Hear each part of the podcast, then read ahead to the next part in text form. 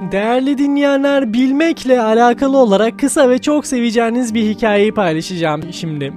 Başarının en önemli yapı taşlarından biri dolmadan önce boş olduğunun farkına varmaktır. Size iş yaşamında başarıda sıkça kullanılan kanguru kelimesinin hikayesini anlatacağım şimdi. Unutmayın başlangıçta ancak bilmediğimizi bilirsek öğrenebiliriz. İngiliz denizci kaptan James Cook 18. yüzyılda Avustralya kıyısına adım attığında daha önce hiç görmediği bir hayvanla karşılaşır. Yanındaki yerliye hayvanın adını sorunca kanguru yanıtını alır. Böylelikle arka ayakları üstünde sıçrayarak yol alan, yavrularını karnında kesesinde taşıyan ve kızdırılmadığı sürece son derece uysal olan hayvan o günden sonra kanguru adıyla anılır.